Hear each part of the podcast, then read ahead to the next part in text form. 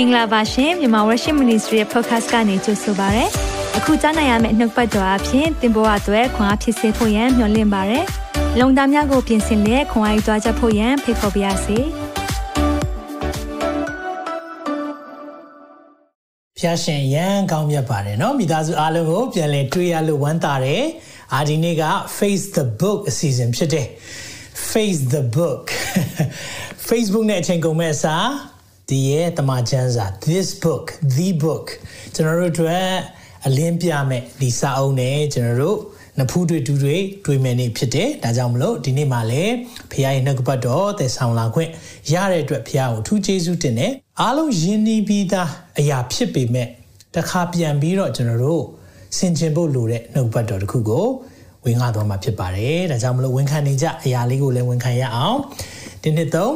နောက်ကပတ်တော်သည်ကျွန်ုပ်ခြေရှိမှမိခွက်ဖြစ်၍ကျွန်ုပ်လန်ကြီးကိုလေးစေပါ၏တစ်ခါလောက်ဝန်ခံပါအောင်အားလုံးဝန်ခံရအောင်နော်1 2 3နောက်ကပတ်တော်သည်ကျွန်ုပ်ခြေရှိမှမိခွက်ဖြစ်၍ကျွန်ုပ်လန်ကြီးကိုလင်းစေပါ၏ဒီနောက်ကပတ်တော်ကပဲသင်လန်းလင်းမှာဖြစ်တယ်ဘာလို့လို့ဘာခံရမှန်းမသိဘူးဆိုရင်ဒီနေ့နှုတ်ပတ်တော်က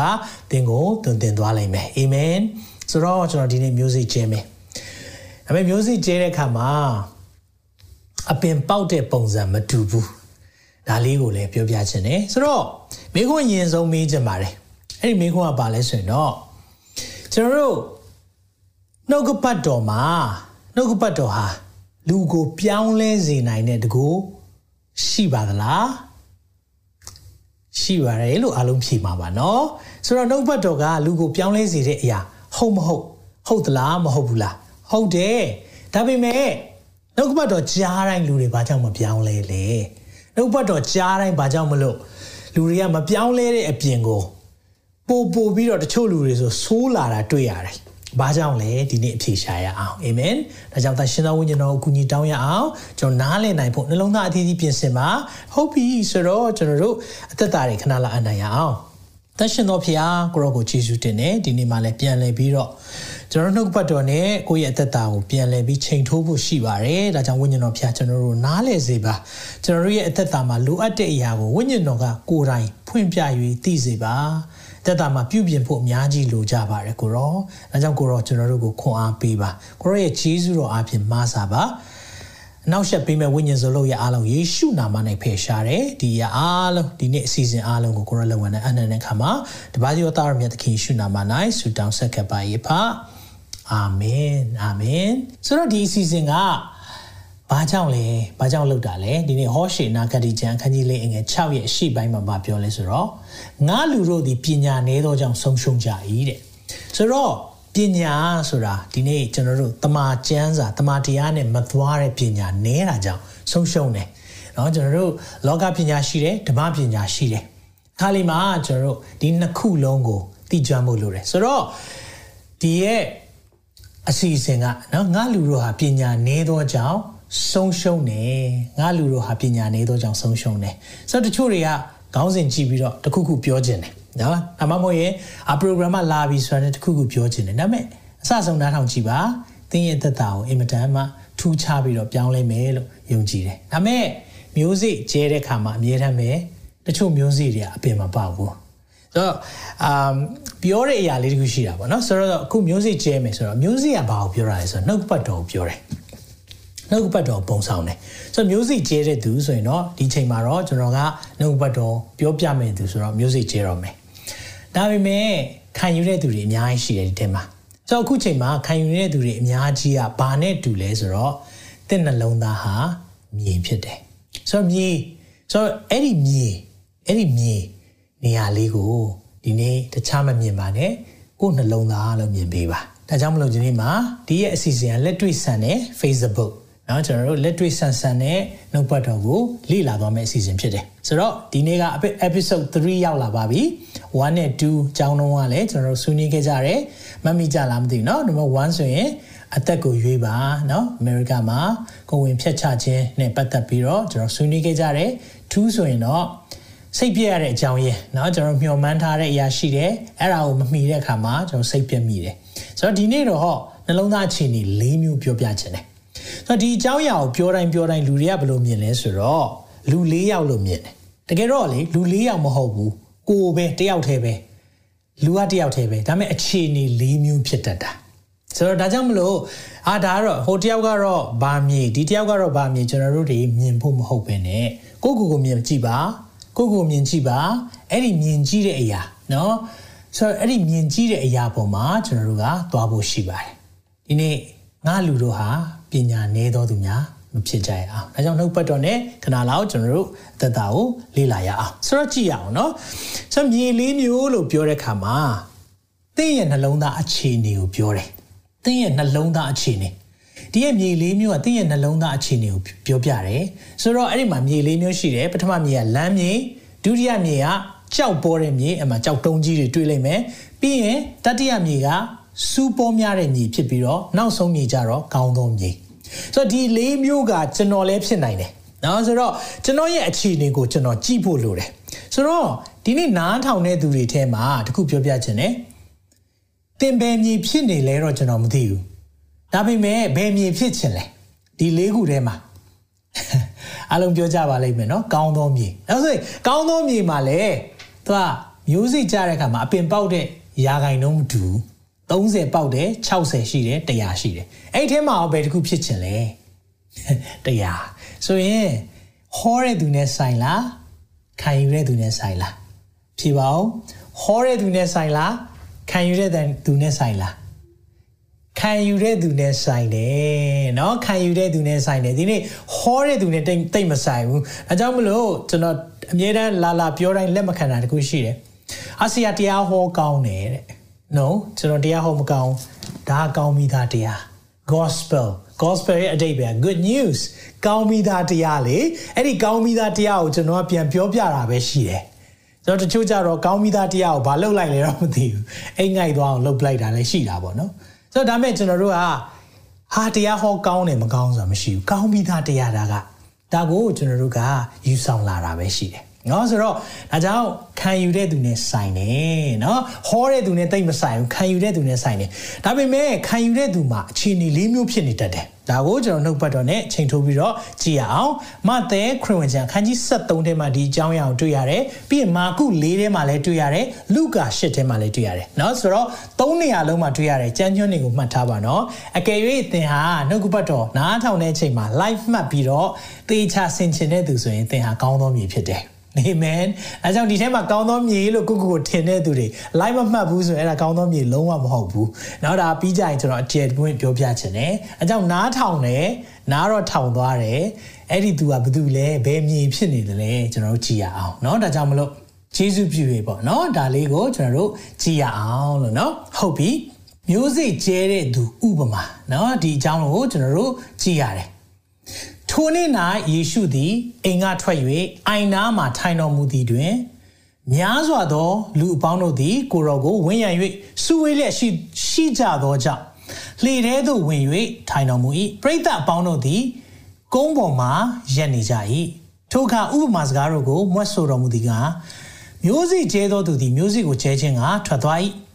အစေကိုကျဲသည်တွင် အချို့သောအစေတို့သည်လမ်း၌ကြသဖြင့်ဘယ်မှာကြလဲ လမ်း၌ကြသဖြင့်ငှက်တို့သည်လာ၍ကောက်စားကြ၏တဲ့လမ်းမှာကြတဲ့သူငှက်တွေကောက်စားသွားတယ်အချို့သောစီးတို့သည်မြေနေသောကြောက်ပိုးသောအရင်၌ကြားသဖြင့်မြေတိမ်သောကြောင့်ချက်ချင်းအပင်ပေါက်တော်လဲနေထွက်သောအခါပူလောင်သည်ဖြစ်၍အမြင့်မဆွဲသောကြောင့်ညှိုးနွမ်းပျက်စီးခြင်းသို့ရောက်ကြ၏နေပူတယ်အမြင့်မဆွဲနိုင်ဘူးဒါကြောင့်မလို့ဘာဖြစ်လဲဆိုတော့ညှိုးနွမ်းပျက်စီးခြင်းရောက်တယ်အချို့သောစီးတို့သည်စူးပင်တို့တွင်ကြားသဖြင့် စူးပင်တို့သည်ကြီးပွား၍ညင်ဆဲကြ၏စူးပင်မှာကြားတဲ့မျိုးစေ့တွေညင်ဆဲခံရတယ်တဲ့အချို့သောစီးတို့သည်ကောင်းသောမြေ၌ကြားသဖြင့်အစ30အစ60အစတရာပွားများ၍အသီးသီးကြား၏ကြားစရာနားရှိသောသူမိသည်ကကြားပါစေဟုမိန်တော်မူ၏တဲ့ဆိုတော့မျိုးစေ့ကတော့ကျဲလိုက်တာပဲဒါပေမဲ့လေးနေရာရောက်သွားတယ်ဒါပေမဲ့အဲ့ဒီလေးနေရာကဘာကိုပြောတာလဲဆိုရင်တော့တင့်နှလုံးသားအခြေအနေကိုပြောတာဖြစ်တယ်ကျွန်တော်တို့ကတခါလေထင်တတ်တယ် music ကျဲလိုက်တဲ့ခါမှာအော်မြေကောင်းတယ်မကောင်းဘူးဒါတစ်ခါလေးဆိုအော်ဒီအသင်းတော်ကကောင်းတယ်မကောင်းဘူးအော်ဒီရဲ့လုပ်ငန်းကကောင်းတယ်မကောင်းဘူးဒါဆိုရင်တချို့ကဘယ်လိုလုပ်တတ်လဲဆိုတော့နော်ယုံကြည်သူတွေဖြစ်တတ်တာကိုပြောပါတယ်နော်ဆိုတော့ဟာဒီ ministry ကို music ကျဲကြည့်လိုက်အောင်မယ်ပင်ပေါက်မပေါက်ကြည့်ရအောင်တဲ့အဲ့ဒါထီထိုးတယ်လို့ခေါ်တယ်အဲ့ဒါ Korean ထီထိုးနည်းလို့ခေါ်တယ်ဆိုတော့ဒီဆရာကိုအလှငွေပေးကြည့်မယ်ဖះကောင်းကြီးပေးမပေးကြည့်ရအောင်အဲ့ဒါထီထိုးတာ no အဲ့လိုမဟုတ်ဘူးဒီနေ့အဲ့ဒီမြေဆိုတဲ့အရာတင့်နှလုံးသားတင့်နှလုံးသားတင့်နှလုံးသားမမှန်သေး၍ကောင်းကြီးမရအောင်မိတ်ဆွေပြန်ပြောမယ်နော်တင့်နှလုံးသားမှန်မမှန်သေး၍စစ်မှန်သောကောင်းကြီးမရဘူးအဲကြောင့်မလို့ကျွန်တော်တို့ကနော်ထီမထိုးပါနဲ့ခရိယန်နေနော်အောင်ပါလီတော့မထိုးပါဘူးနော်နှလုံးနေသုံးလုံးနေမထိုးဘယ်မှာထိုးတတ်လဲဆိုတော့ဒီဆရာကိုပေးကြည့်လိုက်မယ် demonstration မှာပေးကြည့်လိုက်အဲ့လိုမလုပ်ပါနဲ့နော်ဒီနေ့အသက်ရှင်တဲ့ဖခင်ရဲ့နှုတ်ကပတ်တော် နေရာအများကြီးရောက်သွားဖို့မျိုးစိများများကျင်းနိုင်ဖို့သင်ပါဝင်တဲ့အရာဒီဘုရားကောင်းကြီးပေးမယ့်အရာဖြစ်တယ်အာမင်ဒီရဲ့ဥပမာလေးကျွန်တော်တို့ဒါယဉ်နီးပြီးသားပေါ့နော်ယဉ်နီးပြီးသားဖြစ်တယ်ဒါပေမဲ့အတိတ်ပဲတေချာနားလေတဲ့အချိန်မှာသင်ရဲ့ဘဝမှာထူးခြားလိမ့်မယ်ဆိုတော့မျိုးစိကျဲတဲ့သူနော်ဆိုတော့မြေလေးမျိုးလေးကြည့်အောင်နော်ကိုကိုကြည့်အောင်နော်ကိုဘယ်တစ်ခုဖြစ်နေတယ်လဲဆိုတာကြည့်ပါနော် ဘယ်တစ်ခုဖြစ်တယ်လဲဆိုတာအရင်ကြည့်ပါနော်ဒါကြောင့်မလို့ကိုကဘယ်တစ်ခုဖြစ်နေလဲခံစားဘူးလားနောက်ပတ်တော့တစ်ခါလေးကြားလိုက်တဲ့ချိန်အာအဲ့ဒီနေ့ကတော့အယမ်းပဲထူခြားတယ်ဒီနောက်ကပတ်တော့ကျမတက်တာကိုပြောင်းလဲစေတယ်ခုနတက်တိခံချက်တွေကြားရတယ်အခက်ခဲဆုံးစာမွေအဲ့ဒါခွန်းလင့်ခြင်းစာမွေအကြောင်းကျွန်တော်ဟောထားတာဖြစ်တယ်အဲ့နေ့အဲ့ဒီမျိုးစိနော်ကြေကွဲနေတဲ့နှလုံးသားထဲမှာကြားတဲ့အခါမှာချက်ချင်းပင်ပေါက်ပြီးတော့အသီးသီးတောင်မြင်ရတယ် ဒါပေမဲ့အဲ့ဒီနှုတ်ကပတ်တော်ပဲတခြားတယောက်တော့ပြောကြားတယ်မပြောင်းလဲဘူးဘာကြောင့်လဲ message ကကွာတာလားဟုတ်ဘူးခံယူတဲ့နှလုံးသားကွာတာဒါကြောင့်မလို့ဒီနေ့လေးခုကိုကြည့်ရအောင်เนาะဆိုတော့ပထမမြင်ရပါမြည်လဲဆိုတာလမ်းမြည်တဲ့လမ်းပေါ်မှာကြားတယ်တဲ့အဲ့ဒါဘာအဓိပ္ပာယ်လဲဆိုတော့မာကျောသောနှလုံးသားပြောကြည့်ပါဦးမာကျောသောနှလုံးသားဆိုတော့ကျွန်တော်တို့မာကျောတဲ့နှလုံးသားဘာကြောင့်မာတာလဲလမ်းမြေကလူတိုင်းရှောက်သွားတယ် အဲ့လမ်းကိုကျွန်တော်တို့တေးချမြေနီလမ်းလေးတွေကြီးကြီးလိုက်ကြည့်သွားမှန်များတဲ့အခါမှာသူကဖိအားတွေများလာတဲ့အခါမှာအဲ့ဒီမြေကမာကျောပြီးတော့အရန်ကိုနော်လမ်းလျှောက်တဲ့အခါမှာအဆင်ပြေလာတယ်ဆိုတော့လမ်းစာဖောက်တဲ့အချိန်ကျတော့တိတ်မမာအောင်ဒါပေမဲ့သွားမှန်များတယ်နော်ကားတွေသွားမယ်ဆိုရင်အဲ့ဒီမြေကတဖြည်းဖြည်းမာလာတယ်ဘာကိုပြောတာလဲမာကျောတဲ့နှလုံးသားကိုပုံဆောင်တယ်အဲကြောင့်မလို့အဲ့ဒီနှုတ်ကပတ်တော် အခုနှုတ်ကပတ်တော်ဟောတယ်ဒီနှုတ်ကပတ်တော်ပဲဟောပေမဲ့သင်ရဲ့နှလုံးသားဟာမာကြောခြင်းရှိတယ်နားမထောင်ချင်ဘူးဆိုရင်အဲ့ဒီနှုတ်ကပတ်တော်ဘယ်တော့မှအဖေမပေါအောင်ဒါဆိုရင်တမန်ကျမ်းစာကဘာပြောလဲတစ်ချက်လောက်ကျွန်တော်တို့ကြည့်ရအောင်အိမ်မှာကြောတဲ့နှလုံးသားနဲ့ပတ်သက်ပြီးတော့မျိုးစိကျဲတဲ့ဥပမာမှာဘာပြောလဲဆိုတော့လမ်းနိုင်အစိကိုကျဲခြင်းအကြောင်းကတဲ့ဒါဘာအတိတ်ပဲလဲလို့သခင်ကိုမေးကြတဲ့အခါမှာသခင်ကပြန်ရှင်းပြတယ်လမ်းမှာမျိုးစိကျသွားတာဘာကိုပြောတာလဲ နော်မျိုးစိကျဲတဲ့သူမတော်တာလားမဟုတ်ဘူးနော်မျိုးစိကျဲတော့ဟိုရောက်ဒီရောက်ရောက်သွားတာလားမဟုတ်ဘူးခံယူတဲ့နှလုံးသားလမ်းလိုဖြစ်နေတာလမ်းသလားနေတာအခုကျွန်တော် horror note ဘတ်တော်ကြားတော့ကြားတယ်လမ်းသလားနေတယ်ဆိုရင်သင်မရလိုက်ဘူးနော်တော့ရှောက်သွားနေမရဘူးဒီနောက်ကဘတ်တော်ဘယ်တော့မှအပင်မပဘူးဒါပေမဲ့ဒီနောက်ကပတ်တော်သေချာနားထောင်ခြင်းနဲ့သေချာကျွန်တော်ပြောတဲ့အရာကိုနှလုံးသွင်းမယ်လိုက်မှတ်မယ်ဆိုရင်ဒါသင် ညီပြောင်းသွားပြီကိုတယောက်တည်းပဲเนาะဒါပေမဲ့လမ်းမြေမဟုတ်တော့ဘူးဘာဖြစ်သွားလဲဆိုတော့ထူးခြားတဲ့မြေတွေဖြစ်လာမယ်ဆက်ကြည့်အောင်โอเคနိုင်ငံတော်၏တရားစကားဆိုတာနှုတ်ပတ်တော်ပဲကြား၍နှလုံးမသွင်းသည်ရှိတော်တဲ့ဒါငါ့ကိုပြောတာမဟုတ်ဘူး ဟိုတယောက်ကိုပြောတာအတင်းလူကြီးကိုပြောတာအာဟိုဆရာနားထောင်တင်တယ်အာဟိုတယောက်ပို့လိုက်ပါအောင်မယ်အေးညီမအတွက်ညီမအတွက်ဟိုကောင်းလေးဟိုကောင်းလေးအဲ့ဓာတွေလုံနေတဲ့၍ဘာဖြစ်လာလဲဆိုတော့နှလုံးမသွင်းဆိုတော့ကိုယ့်ကိုပြောတယ်လို့မခံယူတဲ့ခါမှာနတ်ဆိုးလာ၍နှလုံး၌ကျဲသောအစိတ်ကိုနှုတ်ယူတတ်တယ်တဲ့အဲ့မျိုးစင်နှုတ်ကပတ်တော်မျိုးစင်နတ်ဆိုးလာယူသွားတယ်တဲ့ဘာခိုးသွားရလဲနတ်ဆိုးကနှုတ်ကပတ်တော်ခိုးတယ်မှတ်ထားပါ သင်ရဲ့အသက်တာကိုပြောင်းလဲစေနိုင်တဲ့တကူကဘယ်မှာရှိလဲဆိုတော့နှုတ်ကပတ်တော်မှာရှိတယ်ဒါပေမဲ့အဲ့နှုတ်ကပတ်တော်ကိုဘယ်သူကခိုးခြင်းလဲမာနကခိုးခြင်းတယ်ဒါကြောင့်ဒီနေ့ကျွန်တော်ပြောပြမယ်နော်ဒီအရာလေးကိုဖျားပြောခိုင်းလို့ပြောတာဖြစ်တယ်ကျွန်တော်ဒီတစ်ပတ်ထဲမှာအရန်ခံစားရတဲ့အရာတင့်ကိုစာတန်ရဲ့ယံကနေအဓိကကာကွယ်တာပါလေသိလားကျွန်တော်တို့ရဲ့အကာအကွယ်ပထမဦးဆုံးအလွှာအမြဲတမ်းမှတ်ထားပါ တမာကျမ်းစာဖြစ်တယ်တမာတရားဖြစ်တယ်ဒီတမာတရားကိုဖတ်တယ်ဆိုတာနေ့တိုင်းကျွန်တော်တို့ကမိသားစုကိုကာကွယ်ထားတာကိုယ့်ရဲ့ဘဝကိုကာကွယ်ထားတာကိုယ့်ရဲ့လုပ်ငန်းကိုကာကွယ်ထားတာဒါကြောင့်မလို့ဒီနှုတ်ကပတ်တော်ကိုဖတ်ဖို့လိုတယ်အဲ့ဒါမရှိဘူးဆိုရင်တမာကျမ်းစာဘာပြောလဲဒီမှာကြည့်ပါနော်တခိုးသည်ဆိုတာအဲ့ဒါစာတန်ကိုပြောတာယောဟန်10:10မှာခိုးခြင်း တတတ်ခြင်းဖြတ်စည်းခြင်းကသာလာတတ်၏တဲ့ငါမူကားသိုးတို့သည်အသက်လူရောင်ရောင်ကအထူးဖြင့်အသက်နဲ့ပြည့်စုံစေခြင်းကလာတည်းတဲ့ဆိုတော့ဒီဟာမှာကြည့်တဲ့အခါမှာဘာတွေ့ရလဲဆိုတော့ခိုးခြင်းကအရင်ဆုံးလာတယ်တင်းနှုတ်ကပတ်တော်တင်းထဲမှာနှုတ်ကပတ်တော်မရှိအောင်အရင်ခိုးလေးရှိတယ်အဲ့ဒါအရင်ခိုးလိုက်ပြီးတဲ့နောက်မှာမှတင့်ကိုတတ်လို့ရတယ်တင့်ကိုဖြတ်စီလို့ရတယ်တွေ့လားဘယ်ကနေအရင်စလဲခိုးတာဒါဆိုနှုတ်ပတ်တော်အခုခံရပြီလား အဲဆိုမိခွန်းကဘယ်သူနှုတ်ပတ်တော်ခိုးခံရလဲဒီနေ့ကျမ်းစာဖတ်ပြီးပြီလားမဖတ်သေးဘူးခိုးဖို့တော့မရှိဘူးအခုမဖတ်တဲ့နှုတ်ပတ်တော်မရှိတော့ဒီနေ့အတွက်ဖျားပေးမဲ့ကောင်းကြီးဖျားပြောမဲ့စကားမရတော့တွေ့လားဒါကြောင့်မလို့နှုတ်ကပတ်တော်နဲ့အရင်ဆုံးသွားလက်ပို့လို့တယ်ကျွန်တော်နဲ့ဆရာမ2000မှာ18မှာတခုဆုံးဖြတ်တယ်နေ့တိုင်းကျမ်းစာ ခန်းကြီးတစ်ခန်းဖတ်မယ်နေ့တိုင်းမပြတ်ဖတ်မယ်ဆုံးဖြတ်ကြတယ်ဖတ်ပဲဖတ်တာမဟုတ်ပဲနဲ့ SOAP method SOAP method เนาะကျွန်တော်သင်ပေးဘူးတယ်ယာကုပ်ရှင်ယာကုပ်ဩဝါဒစာငါးခန်းလုံးကိုအဲ့ဒီနီးလန်းနဲ့ကျွန်တော်လေ့လာခဲ့တယ်အဲ့ဒီနီးလန်းကိုဒါကျွန်တော်ထွင်တာမဟုတ်ပါဘူးရှိပြီးသားဖြစ်တယ်ဒါပေမဲ့ကျွန်တော်ကျင့်သုံးဖို့ပြန်လည်ပြီးတော့လူတွေကိုသင်ပေးတဲ့အခါမှာမြန်မာနိုင်ငံကကျန်းစာကျောင်းဆရာမကြီးတယောက်ကလာခွင့်တောင်းတယ် ဒီရဲ့ဆရာရဲ့သင်ခန်းစာကိုတဲ့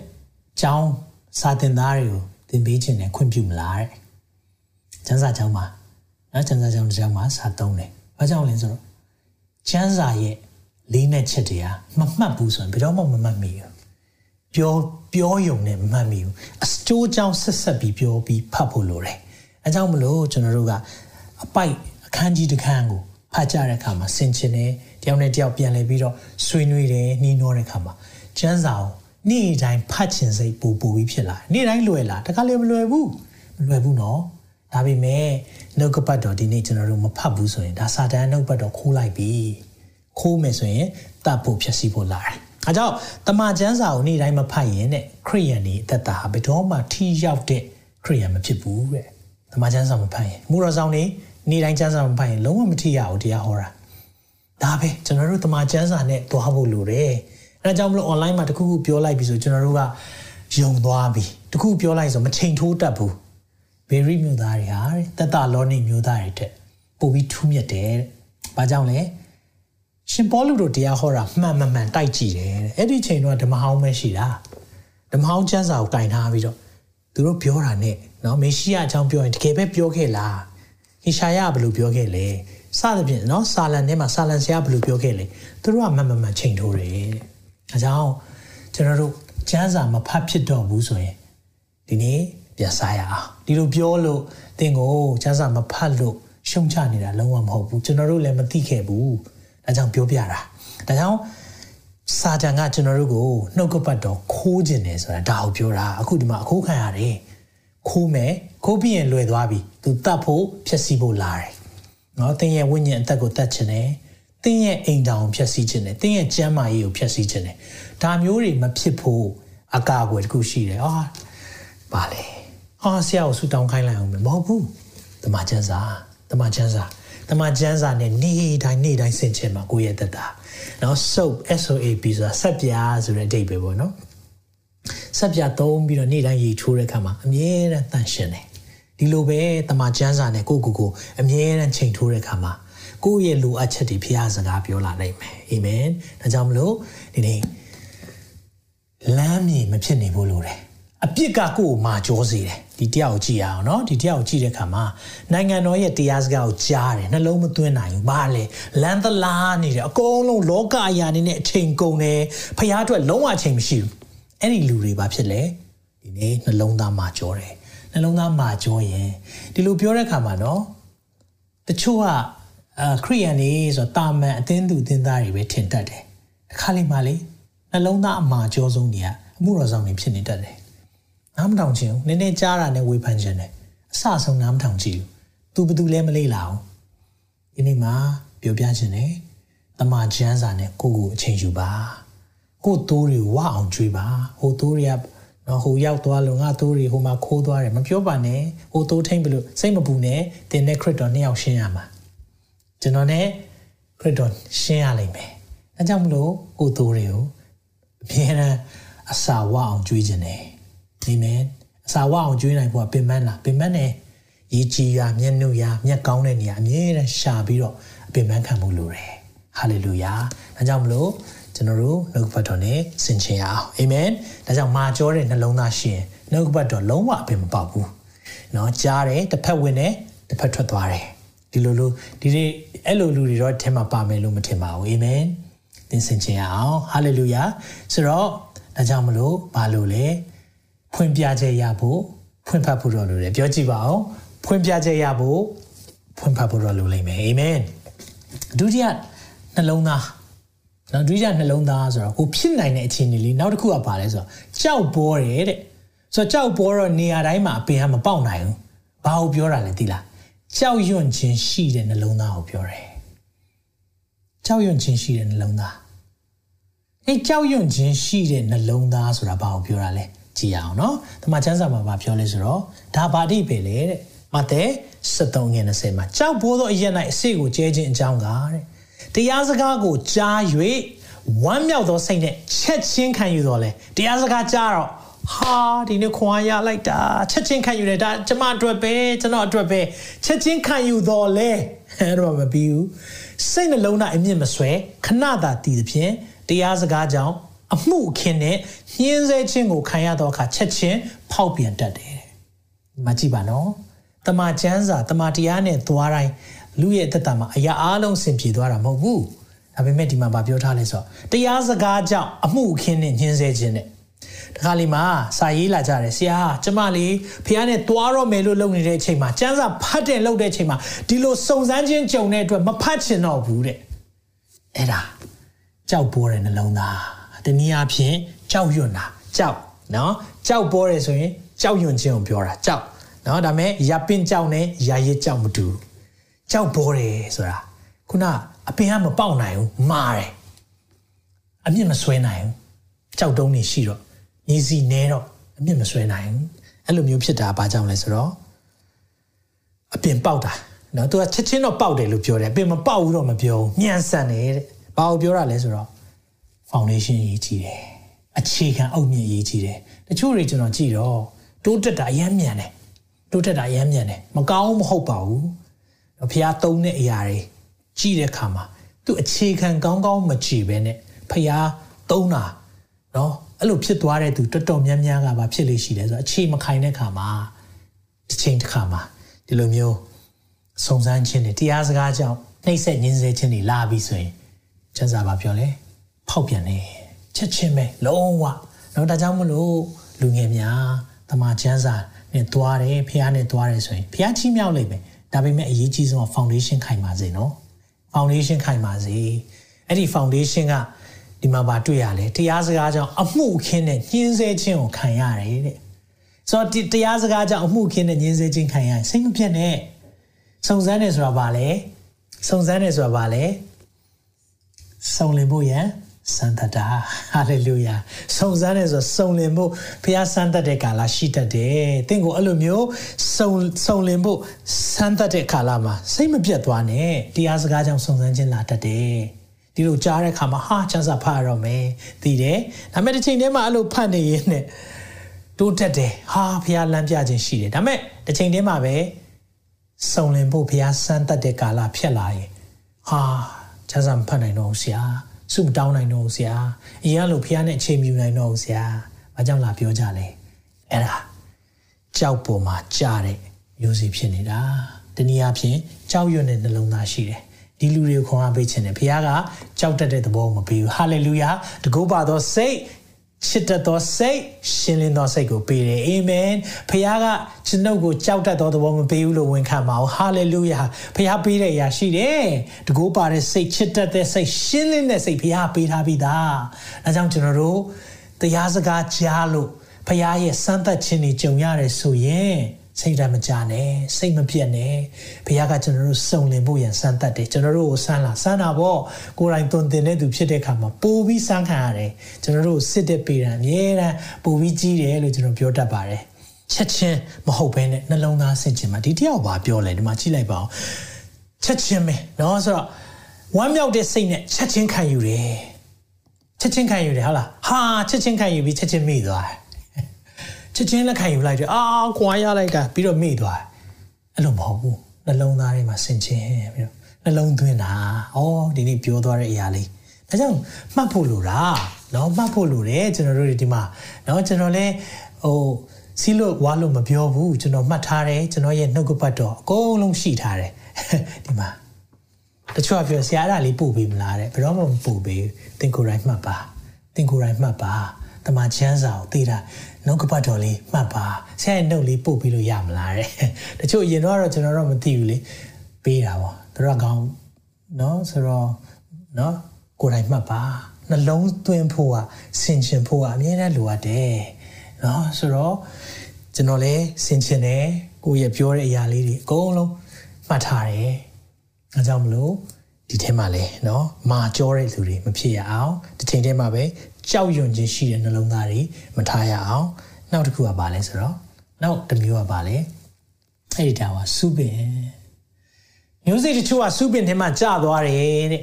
အပင်တော့ပေါက်တယ်ဒီထဲမှာပုံကိုကြည့်လိုက်ပါအောင်အပင်ပေါက်တယ်အပင်လေးကပေါက်နေတယ်စိမ့်စိမ့်လေးတွေ ဒါပေမဲ့အဲ့ဒီပင်ကမကြီးထွားနိုင်ဘူးဘာကိုပြောရလဲပူပန်တက်တဲ့နှလုံးသားကိုပြောတာတင်ပူပန်တက်လားပူပန်တက်တယ်ဆိုရင်သိကြတယ်အဲ့ဒါဒီနေ့နှုတ်ကပတ်တော်နားထောင်တဲ့အချိန်မှာတချို့တွေပူပန်နေတယ်စိတ်ကိုဘာကိုပြောချင်တာလဲနှုတ်ပတ်တော်နဲ့တစ်ချက်လောက်ကြည့်အောင်စူးပင်တို့တွင်အစိတ်ကိုကျဲခြင်းအကြောင်းကငွေ22မှာဖြစ်တယ်မာသဲ73:22တရားစကားကိုကြား၍လောကီအမှု၌စိုးရိမ်ခြင်းနဲ့တဲ့လောကီအရာတွေစိုးရိမ်တယ်တဲ့ စီးစိမ်ဥစ္စာကြီးလှည့်စားခြင်းနဲ့နှစ်ပိုင်းရှိတယ်နော်လောကီမှု၌စိုးရင်ခြင်းနဲ့စီးစိမ်ဥစ္စာရဲ့လှည့်စားခြင်းတို့သည်တရားစကားကိုလွှမ်းမိုးညှင်းဆဲတတ်သောကြောင့်အသီးမသီးနိုင်တဲ့အသီးမသီးနိုင်ဘူးပူပန်နေတာဟာမာတာအဖွဲတွေအခုချိုးတွေဒီမှာနှုတ်ပတ်တော့နားထောင်ပြီးရှောက်သွားနေတယ်ဟင်းချက်ရင်းနဲ့နားထောင်နေတယ်နော်အနှုတ်နှုတ်ကပတ်တော်နားထောင်တဲ့အတွက်တော့ယေရှုတင်ပါတယ်ဒါပေမဲ့ကျွန်တော်ပြောပြမယ်အဲ့ဒီနှုတ်ကပတ်တော်မျိုးစစ်အပင်မပေါက်ဘူး မကြီးထွားဘူးမကြီးထွားဘူးအပင်လေးကလေအရန်ကိုပင်ပန်းနေတယ်။ဘာကြောင့်လဲ။ကိုကစိုးရင်ပူပန်ခြင်းနေနဲ့ပဲအလုပ်လုပ်နေတာ။နော်ဆိုတော့ဆရာရဲ့အချိန်လူပြီးတော့နားထောင်ရတယ်။ နော်တရားစကားအတွက်အချိန်ပေးပြီးနားထောင်ပါ။အချိန်လူပြီးနားမထောင်ပါနဲ့။အချိန်ပေးပြီးနားထောင်ပါ။ဟာလေလုယာ။နှုတ်ကပတ်တော်ကိုအချိန်လူပြီးနားမထောင်ပါနဲ့။အချိန်ပေးပြီးနားထောင်ပါ။ဝန်ခံပါအောင်။နှုတ်ကပတ်တော်ကိုအချိန်လူပြီးနားမထောင်ပါနဲ့။အချိန်ပေးပြီးနားထောင်ပါ။ဟာလေလုယာ။ဒီနေ့ဒီအရာလေးเนาะဒီအရာလေးကျွန်တော်တို့ရသွားပြီဟေးဆိုရင်เนาะအင်မတန်မှလွယ်ကူတယ်ဒါကြောင့် ဒီရဲ့နှုတ်ကပတ်တော်ပဲကျွန်တော်လူကာရှစ်ထဲမှာဘလို့ပြောလဲเนาะအဲ့ဒါမပြောခင်မှာအရင် busy တဲ့သူတွေရှိတယ်เนาะဆိုတော့ busy တယ်ဆိုတဲ့အရာတဲ့တစ်ခါလီမှာဘာဖြစ်တတ်လဲဆိုတော့ being under satan's yoke တဲ့စာတန်ရဲ့တဘူအောက်ရောက်နေတယ်ဆိုတဲ့အဓိပ္ပာယ်လေးဖြစ်တယ်เนาะ busy လား busy တယ်ရန် busy တယ်ဒါပေမဲ့ဘာတွေပြီးမြောက်လဲဆိုရင်မပြီးမြောက် busy တိုင်းပြီးမြောက်တာမဟုတ်ဘူးเนาะအာကျွန်တော်လည်းဖြစ်တတ်တယ် busy တာ busy တာ busy တာတခါလေအရန် busy ပြီးစမ်းစာပတ်စုတောင်းဖို့တောင်အချိန်မရအောင် busy တယ်ဝိညာဉ်တော်ကပြောပြီလေအဲ့ဒါ busy တာမဟုတ်ဘူးပြီးမြောက်တာမဟုတ်ဘူး being under satan's yoke စာတန်ရဲ့တဘိုးအောက်ရောက်နေတာတခါလေးမှတချို့အရာတွေ no ပြောလိုက်ပါတော့ နော်အကျိုးမရှိတဲ့အရာတွေ no ပြောလိုက်ပါတော့အာနာအာနာ feeling အာနာဟာလာ feeling အာနာဆိုတော့ရန်အာနာတတ်တော့ဟိုတရားအကူကြီးတောင်းရင်လဲစကားလာပြောရင်လဲအဲပြောရမယ်ထင်တယ်ဟိုတရားလာနော်တင့်အချိန်ကိုဖြုံးပေးမဲ့သူတွေအများကြီးရှိတယ်တင့်အချိန်ကိုဖြုံးပေးခြင်းတဲ့သူတွေအများကြီးရှိတယ်နော်ကျွန်တော်စကားပြောမယ်ဆိုရင်စကားပြောခြင်းတဲ့သူတွေအများကြီးရှိတယ်နော်ဆိုတော့အဲ့ဒီအရာတွေအတွက်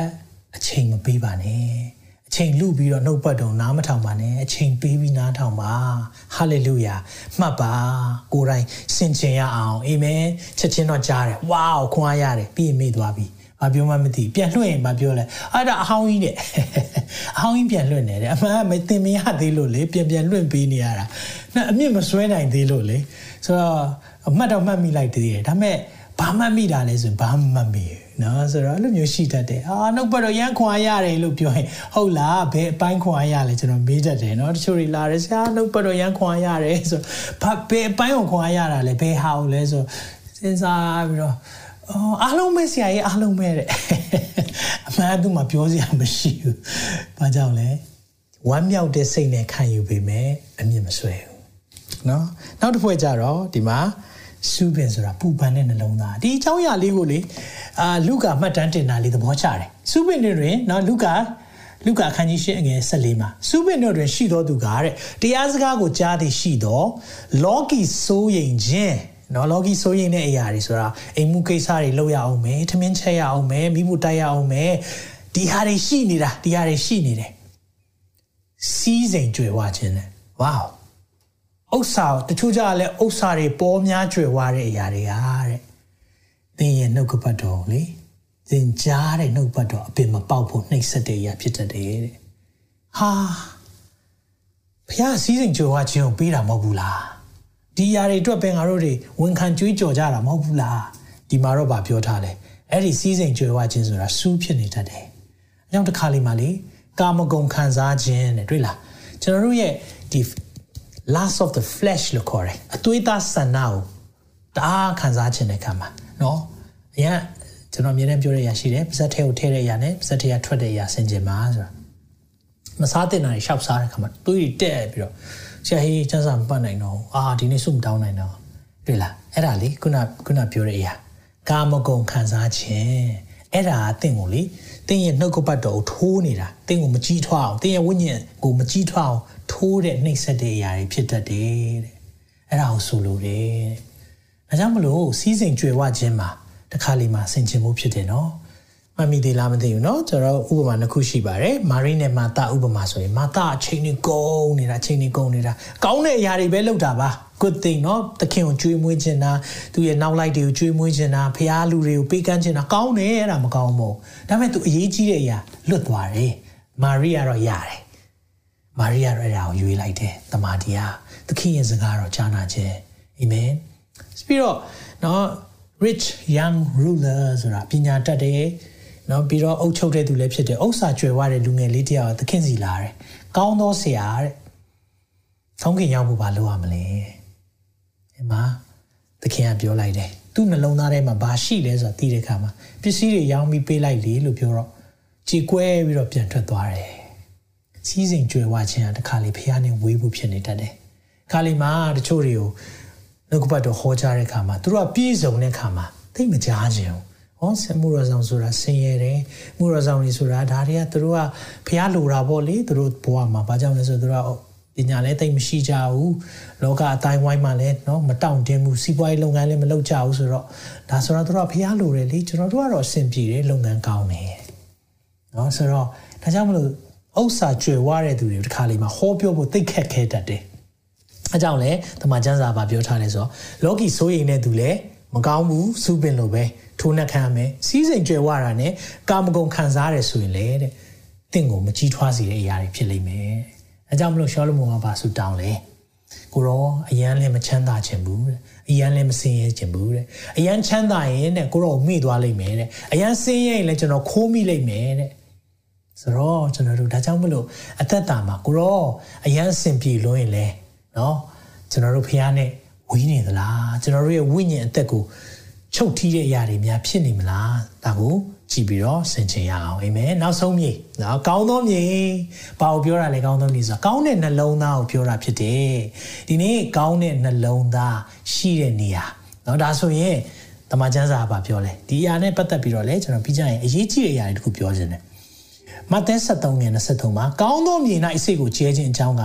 တရားစကားကိုကြား၍ကြားလားကြားတယ်နှလုံးသွင်းသဖြင့်နှလုံးသွင်းတယ်ဆိုတာဒီနှုတ်ကပတ်တော်ကိုဆင်ခြင်တာဒီနှုတ်ကပတ်တော်ကြားတဲ့အရာဒီတိုင်းပဲကြားသွားတာမဟုတ်ငါ့ကိုဒီနေ့ဘုရားစကားပြောတာဘာကြောင့်လဲဟောငါ့ကိုဒီနေ့မှာဒီအရာတွေငါ့ကိုပြင်ဖို့ပြောနေပြီဒါတွေငါလုပ်ရမယ်ဒါတွေငါလုပ်ရမယ် action ပါတာနှလုံးသွင်းတယ်ဆိုတာ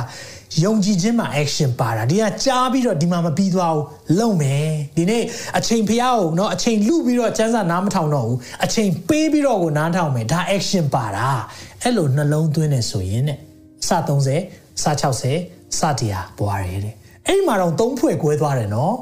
နှလုံးသားနဲ့ကိုနားထောင်ပြီးတော့တရားစကားကိုကြားပြီးနှလုံးသွင်းတဲ့အဖွဲ့မှာတဲ့အပင်ပေါက်တာမတူသေးဘူး30 60တရားအ ကြောင်းတစ်ခါလေးမှာကျွန်တော်နှုတ်ပတ်တော်နားထောင်တဲ့အခါမှာဟာကိုယ်လည်းဆင်ချင်ပါတယ်เนาะကျွန်တော်လည်းနှုတ်ပတ်တော်တွေဆင်ချင်တဲ့အခါမှာနှလုံးမသွင်းမိဘူးဆိုရင်လေအဲ့နှုတ်ပတ်တော်ကအပင်မပေါ ဒါကြောင့်ကျွန်တော်ဒီနေ့မှာတခုလေးနားလဲစေချင်တယ်မိတ်ဆွေဒီနေ့ဒီမြေလေးမျိုးမှာကိုဘယ်မြေဖြစ်ချင်တယ်လဲဖြစ်နေတယ်လဲမဟုတ်เนาะဖြစ်ချင်တယ်လဲ ကောင်းသောမြေဖြစ်ချင်တယ်လို့သင်ဖြေပါလိမ့်မယ်ကျွန်တော်လည်းကောင်းသောမြေဖြစ်ချင်တယ်ကောင်းသောမြေဖြစ်ဖို့ကလေလုံးဝအရာလေးရှိတယ်နံပါတ်1အဲ့ဒီမြေကကျိုးပဲ့ခြင်းမွားနေတယ်ဒါကြောင့်ကျိုးပဲ့တဲ့နှလုံးသားနဲ့ဘုရားနီးတယ်တဲ့မြေကစွထားတဲ့အခါမှာလေမမဘူးသူကခြောက်တွေဖယ်ထားပြီးပြီကျိုးပဲ့ခြင်းမွားမာကြောချင်းတွေဖယ်ပြီးပြီအမြင့်မဆွဲနိုင်တဲ့အရာတွေဖယ်စူးပင်တွေရှင်းထားပြီးပြီကောင်းတဲ့မြေကဆိုရင်ပူပန်မှုတွေကိုဖယ်ထားတာ လောကစည်းစိမ်ချမ်းသာကောင်းတယ်စည်းစိမ်ရှိတာဒါပေမဲ့အဲ့ဒီမှာကာမဂုဏ်ခံစားဖို့မဟုတ်ဘဲနဲ့ဒီအရာတွေဖျားငါ့ကိုပေးတာငါဘယ်နေရာမှာသုံးရမလဲဟာလေလုယာဒီလိုလူမျိုးတွေကြရင်ကောင်းသောမြေဖြစ်နေတာအဲ့ဒီကောင်းသောမြေမှာကြတော့လေအပြင်ပေါက်ရတာသိပြီးတော့လွယ်ကူတယ်ဟာလေလုယာအဲကြောင့်ဒါပေမဲ့ကောင်းသောမြေမှာတတိထားဖို့တခုရှိတယ်ကောင်းတဲ့မြေဖြစ်တဲ့ခါမှာလေဘယ်မျိုးစီလာကြကြအပင်ပေါက်တတ်တယ် ကောင်းသောမြေဖြစ်တဲ့အခါမှာဘယ်မျိုးစီလာကြကြအပြင်ပေါက်တတ်တယ်။ဒါကြောင့်မျိုးစီကိုလည်းလေစစ်မှန်တဲ့နှုတ်ကပတ်တော်မျိုးစီဖြစ်နေပါစေ။ဟာလေလုယာ။မဟုတ်ဘူးဆိုရင်လေသင်ခါးသီးတဲ့အခါပင်သွားဆိုင်လဲပေါက်တာပဲနော်။အချင်းပင်သွားဆိုင်လဲပေါက်တာပဲနော်အဲ့နှလုံးသား။နောက်တစ်ခါလေးမှာတချို့ကဒီနှလုံးသားကောင်းတဲ့သူဘာကြောင့်ဒီလိုတွေဖြစ်နေတာလဲ။မကာကွယ်ထားဘူး။ကာကွယ်ဖို့လိုတယ်။နှလုံးသည်အသက်၏အခြေမြစ်ဖြစ်သောကြောင့် သင်ဤနှလုံးကိုအထူးဖြင့်စောင့်ရှောက်လို့ကျွန်နှလုံးသားကောင်းတဲ့ဟာကြားတဲ့အရာတိုင်းဒီမျိုးစေ့ကနော်ယုံကြည်ခြင်းဟာကြားနာခြင်းအပြင်ဖြစ်ပေါ်တယ်ကြားနာခြင်းအဖျားရဲ့နှုတ်ပတ်တော်ဆိုတော့ကြားတဲ့အရာတိုင်းကမျိုးစေ့တွေပဲစာတန်ကလည်းလေသုံးမျိုးစေ့ကိုထည့်ပေးတယ်ထည့်ပေးတယ်သင်ကိုကြားတဲ့အရာတွေနဲ့လာတယ်မဟုတ်ဘူးဒီမျိုးစေ့လုံးဝငါနှလုံးသားထဲအဝင်မခံဘူးနားထဲမှာနေဖယ်ပလိုက်ပြီးတစ်ဖက်ဝင်တယ်တစ်ဖက်ထွက်တာတခုပဲရှိတယ် စာတန်ကလာပြီးအတင်းပြောစေတဲ့အရာတွေတင်းစကားတွေအော်ဆရာတို့ဒီလိုပြောနေပြီနော်ခမရတို့ဒီလိုပြောနေပြီနော်မဟုတ်မမှန်ဆွဆွဲချက်တွေလုံးဝနှလုံးသားထဲမှာထည့်ဖို့မဟုတ်ဖဲပါအဲ့လိုဖဲတယ်ဆိုရင်ဒီကောင်းသောမြေဟာ30 60တရားမကအပင်ပေါက်တယ်ဟာလေလုယာအကြောင်းကောင်းသောမြေဖြစ်ဖို့ဆိုရင်သင်နဲ့ဆိုင်တယ်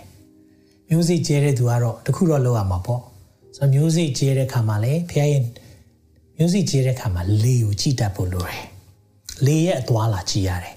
လေကကိုယ့်ဘက်ကိုတိုက်နေတဲ့ဟာကိုမျိုးစိကျဲကိုမျက်မျက်နှာ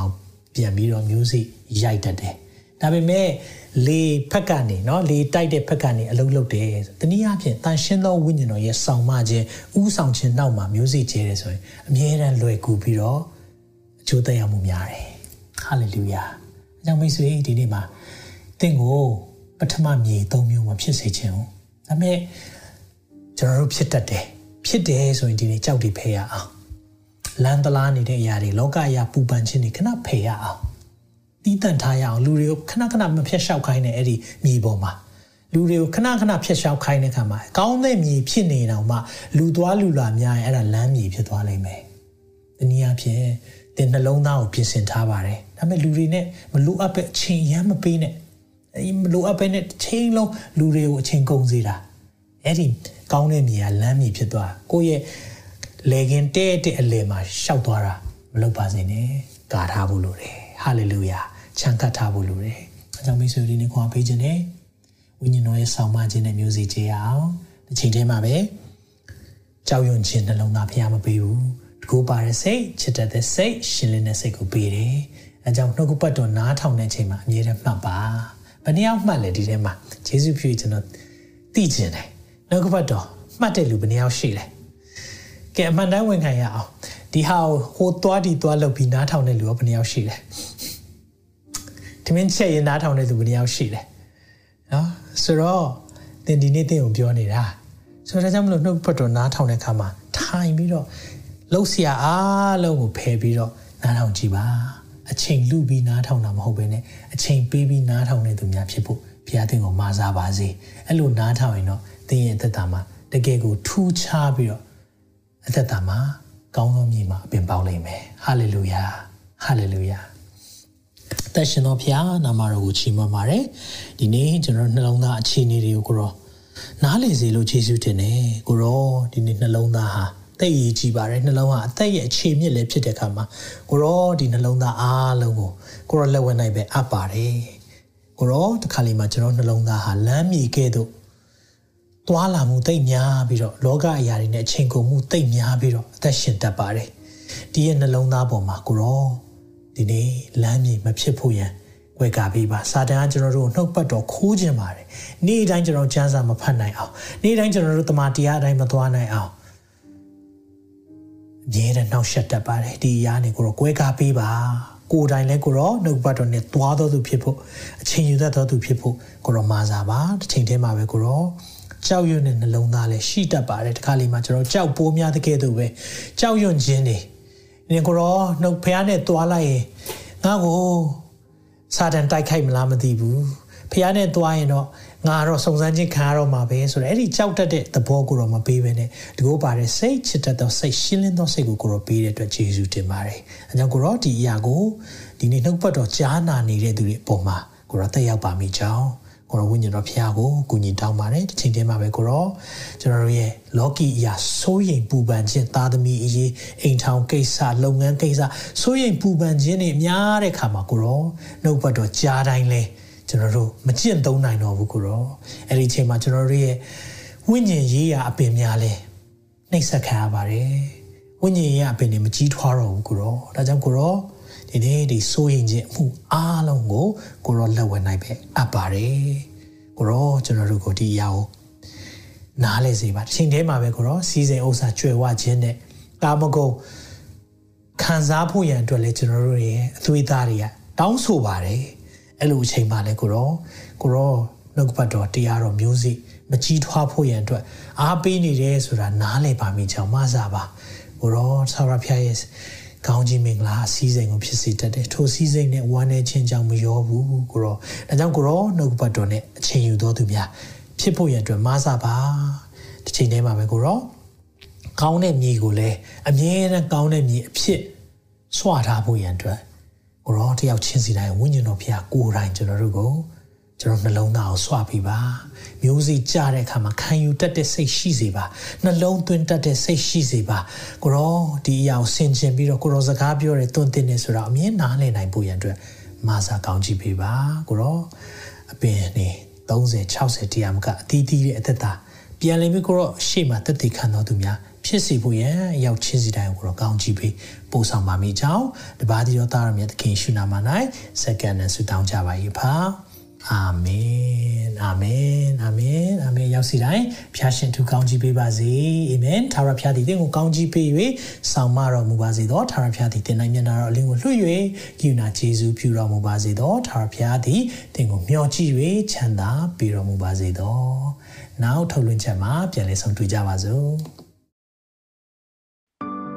တင်ခုလိုနာဆင်ခွန်အားနိုင်ခြင်းဟာမြန်မာ Worship Ministry ကိုလာဆင်ပန်ပိုးနေကြတဲ့ Kingdom Partners များအကြောင်းဖြစ်ပါတယ်။ဖျားခင်နိုင်ငံတော်ကျယ်ပြန့်ရေးအတွက်လာဆင်ပေးကမ်းပောင်းဖို့ရန်ဖိတ်ခေါ်လိုပါတယ်ရှင်